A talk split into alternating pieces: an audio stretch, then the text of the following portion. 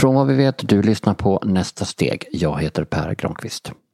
För en tid sedan var jag på möte hos en redovisningsbyrå.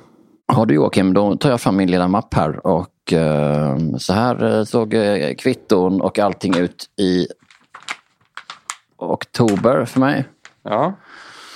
Och nu vill jag höra att, åh vad duktig du har varit som har satt upp alla kvitton. Eh, ja, det har du gjort duktigt. Ja. Eh, sen kan man ju fråga sig varför du sätter upp dem på papper. Nu går det här i helt fel riktning känner jag. ja, För jag det är alltså tio år sedan hade du fått en stor eloge direkt. Men eh, Okej, då får vi kanske ge tillbaka mapparna och förklara hur jag ska göra med liksom kvitton. För det är ju det här som är... Jag trodde det skulle ta lite längre innan du eh, kunde upptäcka att jag gör någonting ineffektivt. Redovisningsbyrån jag träffade heter Trimero. Bakgrunden är att jag känner att mitt företags administration tar för mycket av min tid och jag skulle vilja jobba effektivare. Vem vill väl inte det? Men det jag känner framförallt är att jag hatar kvittohantering. Även om jag skannar in dem så tar det för lång tid. Det jag inte vet är hur jag ska kunna effektivisera allt. Så jag bokade ett möte med Joakim Lind för att förstå om jag skulle kunna effektivisera ekonomiadministrationen. Men jag kunde tydligen inte låta bli att samt försöka få lite beröm.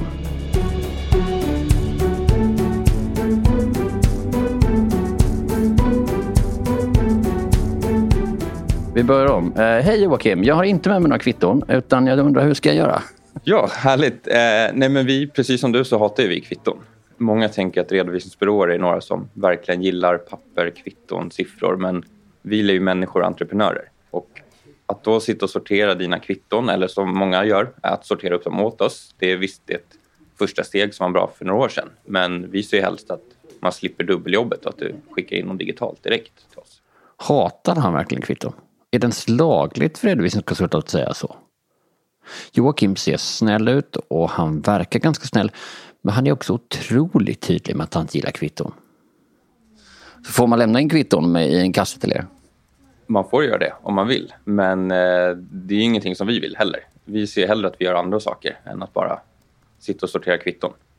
Men självklart, är det så att du känner så att det här funkar inte, jag måste fokusera på annat, då är det okej. Men vi brukar alltid vända på frågan att går det fortare för dig att fota ett kvitto i en app bara direkt när du har köpt den där kaffebrödet på vägen?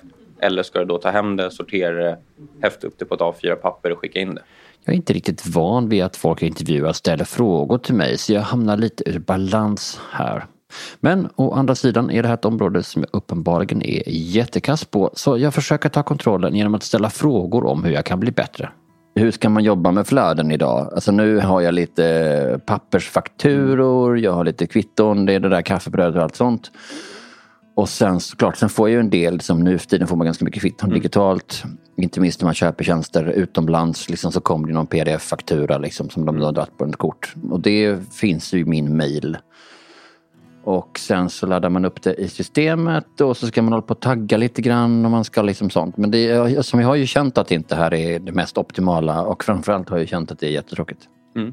Nej, vi tycker också det är tråkigt. Hur vill du att jag ska strukturera Eh, dem? för- Första steget är ju att liksom gå till källan. Att inte bara acceptera att jag får det på papper. Många tänker så att nu får jag mina kvitton på papper. Hur gör jag för att liksom, göra det effektivt? Utan se så här, hur kan jag göra för att inte få det på papper? Börja redan där. För att säkert 90 procent kan du få digitalt från första början. Och då, har då slipper du mycket av det problemet du har nu med att du har fysiskt underlag. För får du det fysiskt också, då måste du spara det fysiskt i sju år. Det är inte jättekul att ha massa pärmar hemma med kvitton. Det kan man ha Hur länge måste man spara digitala kvitton? Är inte det också sju år då? Precis, men då har du ju fått dem i digitalt format. Det är mycket enklare att ha dem i bokföringssystemet bara sparat. Det är ju ingenting som tar plats hemma i garderoben. Ja, just det. Eh, Så, så det är första steget, se till att du får dem digitalt direkt. Om det sen visar sig att du, vissa leverantörer, kanske då banker, försäkringsbolag traditionellt sett, de skickar bara i papper, det är lite trögrörligt där. Då kan du då skicka in dem via en, fota dem via en app eller scanna in dem. Eh, Men, men det vi vill göra är att du ska inte skicka dem till redovisningskonsulten eller den som gör bokföringen så att de i sin tur måste tolka kvittona, knappa in siffror, läsa av datum, belopp och moms. Utan där vill vi ha en app som gör det jobbet åt oss. Det spar tid både för dig och för oss. Okej, så de här pärmarna med kvitton jag har som jag har skannat in, det är bara att gå till återvinning med dem? Nej, de måste du spara ändå. Även om du omvandlat det till digitalt, så behöver, om du har fått dem i fysiskt format, så behöver du behålla fysiska kopian. Åh fan. Alltså, Så, att, eh, så det är det. Man, man tänker att man gör rätt och det, visst det är ett steg på vägen mot att digitalisera kvitton. Mm. Men det du vill göra är att du vill automatisera hela flödet. just det. Så då ska man tänka lite mer som att man kan få på Pressbyrån, att där kan man få det digitalt. Precis. För då, då har du aldrig någon fysisk kopia. Det här är viktigt. Skillnaden mellan att digitalisera och automatisera. Det ena är att se till att kvittot finns digitalt. Det andra att se till att kvittot automatiskt går in i ett flöde som underlättar för mig sen. För att se skillnaden, eller kanske att förstå varför man ska göra det ena eller det andra, så måste man ställa sig en större fråga, mina Joakim. Vad vill du med ditt företag? Varför driver du bolag? Mm. Vissa vill ju tjäna jättemycket pengar. Vissa vill ha tid att ta en vecka ledigt på sportlovet och vara med familjen. Eh, Det är helt olika. Så vet vi det, och oftast är ju svaret på något sätt att antingen vill du ha tid eller pengar. Vill du ha pengar, ja då vill du jobba effektivt. Vill du ha mer tid, ja då vill du också jobba effektivt. Så då har vi svaret på att vi vill ta bort alla manuella processer. Mm. Utifrån det då, då kollar vi på alla flöden. Hur hanterar du dina intäkter, dina kostnader, löner, utlägg och så vidare. Och vilken roll vill ni, ni sen spela i det? vi vill ju inte sitta och knappa in saker. Vi vill att det går via ett automatiserat flöde egentligen där vi kan snarare komma med proaktiv rådgivning. För får vi in kvittona liksom varje dag, så fort du har varit och handlat där på Pressbyrån, får vi in kvitto direkt, då är det enklare för oss att fånga upp saker än att vi tre månader efteråt får in en ICA-kasse med kvitton. Och när man svarat på den stora frågan, vad man vill med företaget och kanske redan tänkt ut vad som ska vara nästa steg framåt, så måste man förstås värdesätta sin tid och prioritera. Hur vet man hur mycket ens tid är värd? Om man tänker ur företagarsynpunkt, du som liksom driver ett företag. Antingen så tittar du på vad tar jag betalt av mina kunder? Hur mycket pengar drar jag in om jag jobbar en timme extra? Det är ett sätt att se liksom rena monetära eh, liksom termer. Men som jag känner både mig själv och andra entreprenörer är att den här timmen med administrationen, du tar inte den av kundtiden, den gör du på fritiden. Då sitter du söndag kväll och gör det här. Då är det snarare liksom hur mycket värderar jag tiden med min familj? Kan jag liksom till min familj säga att ja, men jag fick ett erbjudande att för tusen kronor om året betala en licenskostnad så jag slipper sitta varje söndag. Men jag valde att snåla in på det för jag gör hellre det här istället för att vara mer. Den är lite svår att motivera. Men samtidigt är det alltså ingen bra idé att lämna över kvitton i ICA-kasse till redovisningsfirman, även om man ju vill göra det. Kvittohanteringen är oftast den största. Sköter du den fel, då tar det väldigt mycket tid. Mm. Och det är nog den tråkigaste delen också. Mm. Alltså både för dig som handlar som företagare och även oss som byrå. Det är nog det absolut tråkigaste. Sortera kvitton, jaga in saknade underlag.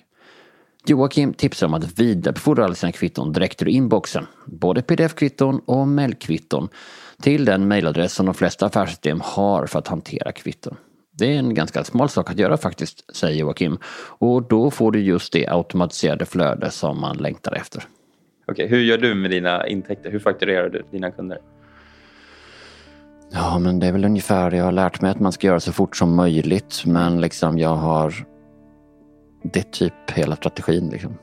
Gör du det i ett affärssystem eller har du Mm, ja, men- Herregud. Herregud, så, så gammal är jag inte. Nej, det är inte, det är inte ovanligt faktiskt. Nej, jag gör det faktiskt i, i ett affärssystem. Ja, ja, men det är jättebra. Mm. Då har du ju kommit längre med faktureringen än vad du gjort med kvittorna. För att dina intäkter hanterar du direkt i affärssystemet och skickar därifrån. Medan kvittorna hanterar du manuellt, sorterar upp, skickar in det till någon som sen knappar in det i bokföringsprogrammet. Mm. Så jämför man så så ligger du väldigt långt före på dina intäkter. alla jag är lite, lite bra på något område. Ja, men, eh, men det, där ska du ha beröm, absolut. Jag tackar Joakim för råden och för att han fått mig att inse att jag borde göra något. Men jag är ändå lite stött för att jag inte var så bra som jag trodde. Ja, det här är förstås ingen egenskap jag är stolt över, men, men ändå. Jag trodde att jag hade koll och att inse att jag inte har det skaver på något sätt. Så hur duktiga är egentligen alla andra företag i Sverige på digitalisering? Är jag kanske ändå lite bättre än dem? Och hur förändras vardagen när man effektiviserar sitt kvittoflöde? Mer om det efter det här.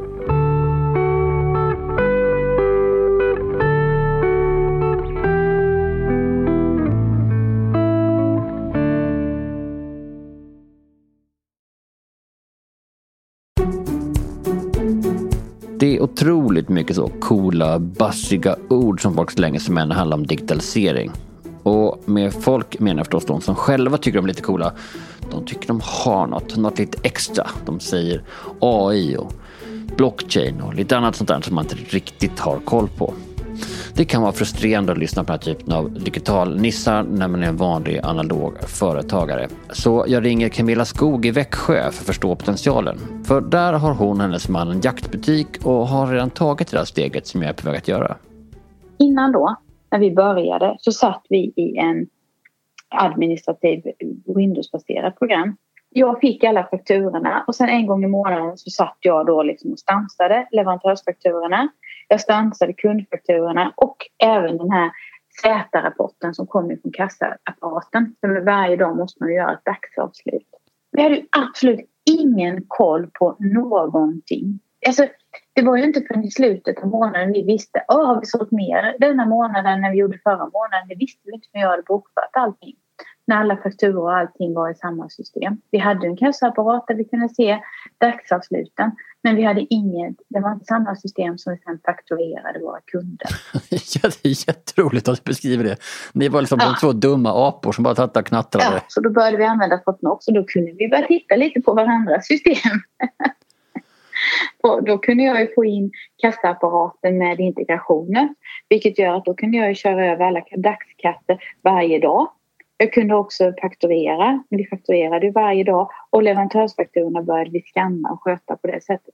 Vilket gjorde att vi hade en helt annan bild. Hur ser det ut? Hur mycket pengar ska ut i nästa vecka?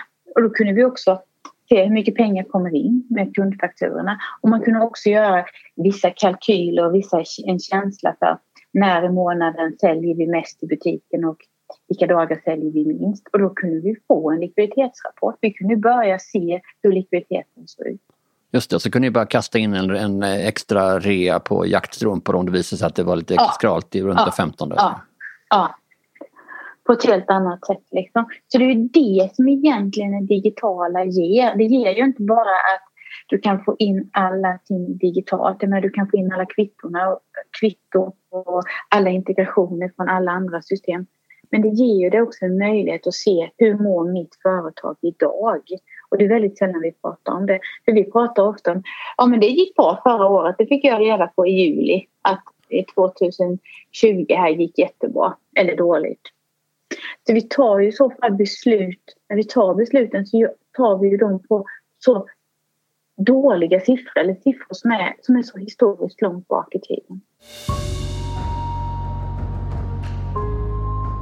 Jag ska berätta att Camilla inte jobbar heltid i butiken. Numera är hon försäljningschef på affärssystemet Fortnox, men det var hon inte när hon digitaliserade flödet i jaktbutiken. Med fler än 100 000 småföretag som kunder borde hon och kollegorna där ha en bra bild över hur duktiga svenska företag är, tänker jag. Så jag leder in samtalet på det med baktanken att reda på om jag är bättre eller sämre än snittet. Tittar man på Sveriges företag idag så är det fortfarande många som lägger dem i ICA-kassen och då ska de ju först samlas ihop. Och detta är egentligen därför jag tycker att digitaliseringen är så viktig. Om du till exempel nu har ett företag och sen så varje månad då, den, först, den första så tittar du bara, vilka kvitton hade jag förra månaden, vilka fakturor har jag skickat, vilka fakturor har jag fått in. Så tar du dem i en plastpåse och så ger du dem till din revisor. Och sen så innan revisorn har hunnit bokföra detta och innan revisorn har koll på alla papperna och verkligen säkerställt att du har fått alltihopa. Ja, då är ju faktiskt, då är du i slutet av månaden. Och sen ska den sammanställa alltihopa så att kanske den tionde innan momsen ska skickas där någon gång. Då vet du hur ditt företag gick i januari och då är du inne i tionde mars. Och då är det ju helt omöjligt för dig att veta hur går mitt företag? Behöver jag göra några justeringar? För det du får siffror på då är faktiskt en och en halv månads gamla uppgifter. Och det är ju inte så proaktiv rådgivning som du får då. Det är inte så konstigt att det är väldigt många företag jag pratar med som pratar om att liksom de egentligen inte förstår någonting av det här. Utan är betraktade som någon slags liksom, redovisningstrolleri mm. och att man blir glatt överraskad mm. förhoppningsvis. Utan att de ja. kör ganska mycket med ett öga på hur mycket pengar finns det på kontot. Och det finns ja. ju någonting som är liksom vettigt i det men, men samtidigt så... Ja, samtidigt så är ju inte det sanningen. För, det, för du vet ju inte, du kan ju ha jättemycket pengar på banken men ändå så eh, du vet ju inte, alltså, det kan ju bara vara en faktura som har kommit bort. Det kan vara en faktura som ni har glömt att betala. Alltså det är så mycket som kan hända och det kan vara en faktura längre fram som är så stor och det har du inte koll på heller. Liksom. Så att det går ju inte att köra bara med likviditet eh, på banken-känslan. Och problemet är också med enskilda firmor som gör det. De vet ju inte om hur mycket avgifter och moms och saker de ska betala in. Och då kvittar du hur mycket pengar de har på, på banken för man vet ju inte om det, det räcker till de, de enskilda eller avgifterna eller momsen och eh, skatten som ska in. Nu kan jag inte riktigt hålla mig längre så jag frågar rakt av.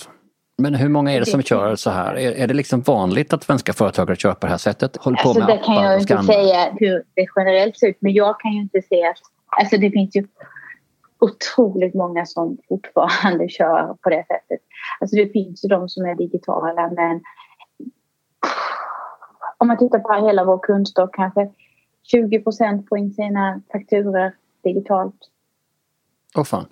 Här gör jag en självgod segergest i luften under intervjun men det ser inte Camilla och tur är väl det för det är ju lite genant. Men på vad vet kommer nu med en majoritet av våra kundfakturor digitalt så heja mig. Och alla andra då sysslar de med att de ska skanna in någonstans och Ja, eller så matar de in. För man kan dela upp det lite olika då. Det som vi förespråkar då, det som vi ser på det.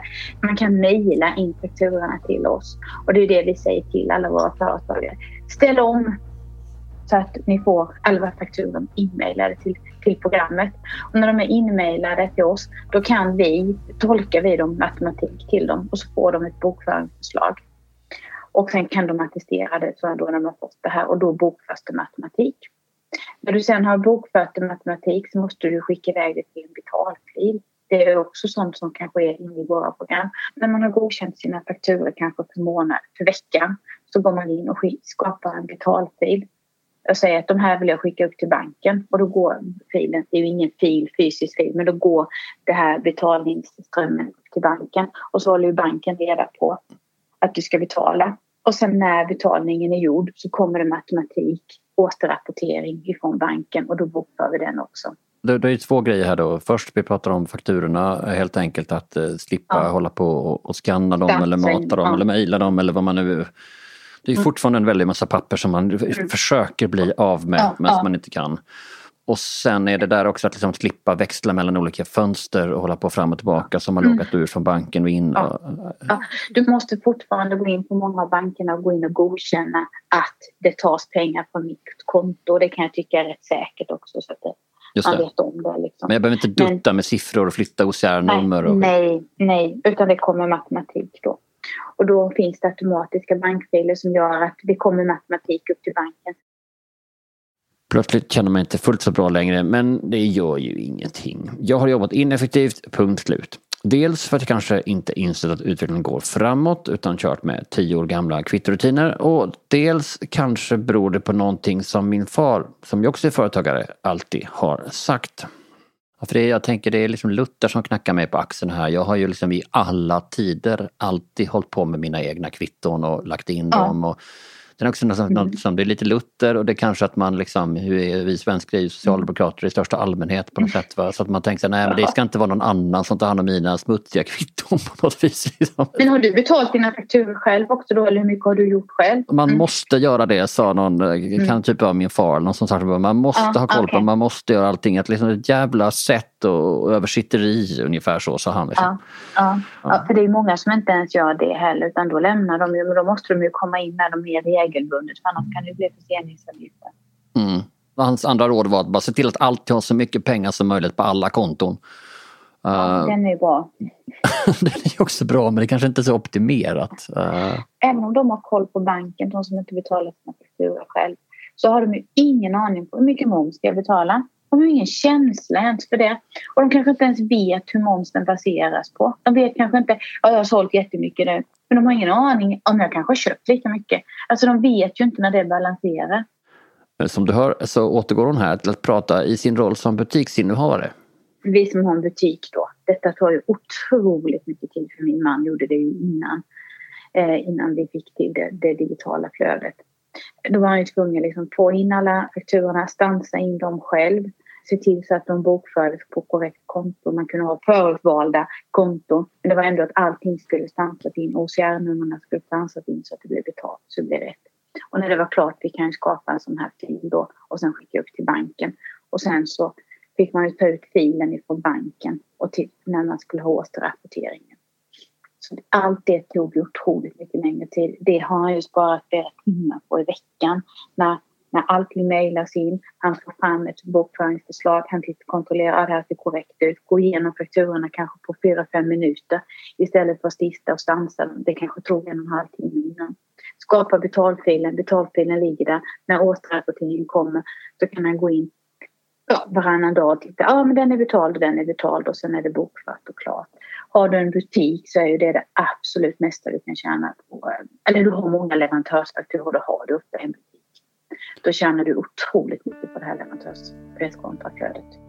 Ja, det låter ju väldigt bra, eller hur? Och nog har Camilla Skog rätt i det här.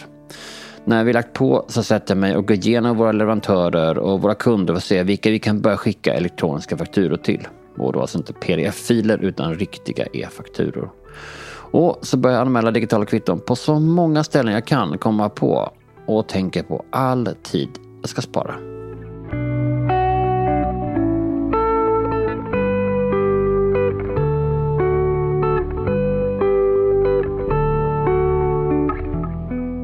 Almi är vår samarbetspartner för den här säsongen av Nästa steg och det innebär rent konkret att jag får ringa en av deras rådgivare. Och vem är då bättre än Iris Danishmand att ringa?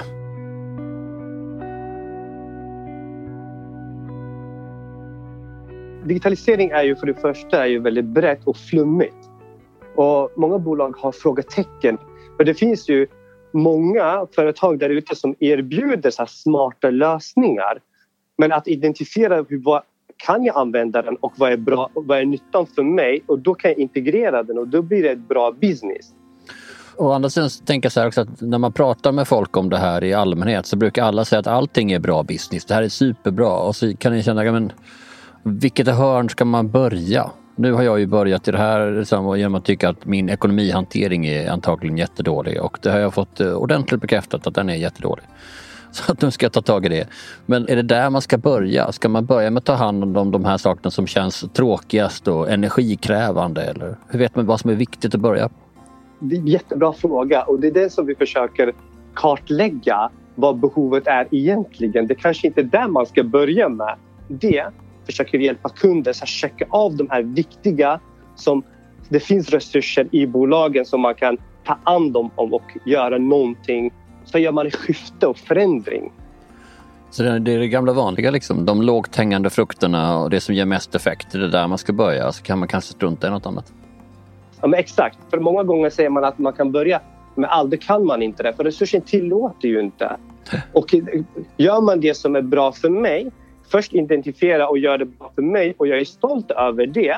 Sen kan jag ta nästa, nästa och nästa. För om jag får ett bakslag när jag har gjort en utveckling och det kräver mycket resurser och pengar och allt annat, då kommer inte jag kunna fortsätta den resan. Sen får man ju också ibland intrycket av att alla andra är redan digitala. Alla andra jobbar redan svinsmart och jag är sist på bollen. Hur, hur digitala är företag du träffar? det är inte många som är digitala faktiskt. Och när man ser startups som, som kommer upp, då kan, ja, då kan man mycket digitala för de börjar i den änden. Men etablerade bolag, många av dem är ju inte digitala. De kanske ser digitala ut. Men när man går in i själva processen ser man att det är inte så digitalt som man tror. Man måste börja någonstans och eh, det är bra att ta första steget. Sen, sen de andra stegen kommer genom att man har lärt sig hur allting funkar och den har gett belöning. Så var inte så orolig för att du är sist på bollen, för det är du inte. Och börja någonstans, typ var som helst, men någonting som är nära affären. Och så bara gör en liten grej och sen så gör någonting som ligger nära det och sen så ett steg i taget. Exakt så. Som företagare har jag lärt mig det mesta genom att lyssna på andra. Så vilken företagare tror du skulle uppskatta dagens avsnitt? Använd dela-knappen i din poddapp och välj där om du vill messa eller mejla dem eller rad andra sätt att kommunicera på. Delar du i sociala medier ska du använda hashtaggen nästa steg. Tack för idag, säger jag. Nästa vecka är det dags för ännu ett avsnitt där vi följer en företagare som är på väg att ta nästa steg. Kanske just det steg som du funderar på. Klicka prenumerera här i appen för att inte missa det. Och jag vill också tipsa om att följa den här poddens konto på Instagram. Då kallar vi den för www.foretag. Där vi delar med oss av knep som inte kanske får plats i podden alla gånger. Det är enkelv, enkelv.foretag på Instagram så hittar du den. Till nästa gång, ta hand om dig och ta reda på vilka kvitton som du kan få digitalt. För ingen gillar ju kvitton. Inte ens de som jobbar med redovisning.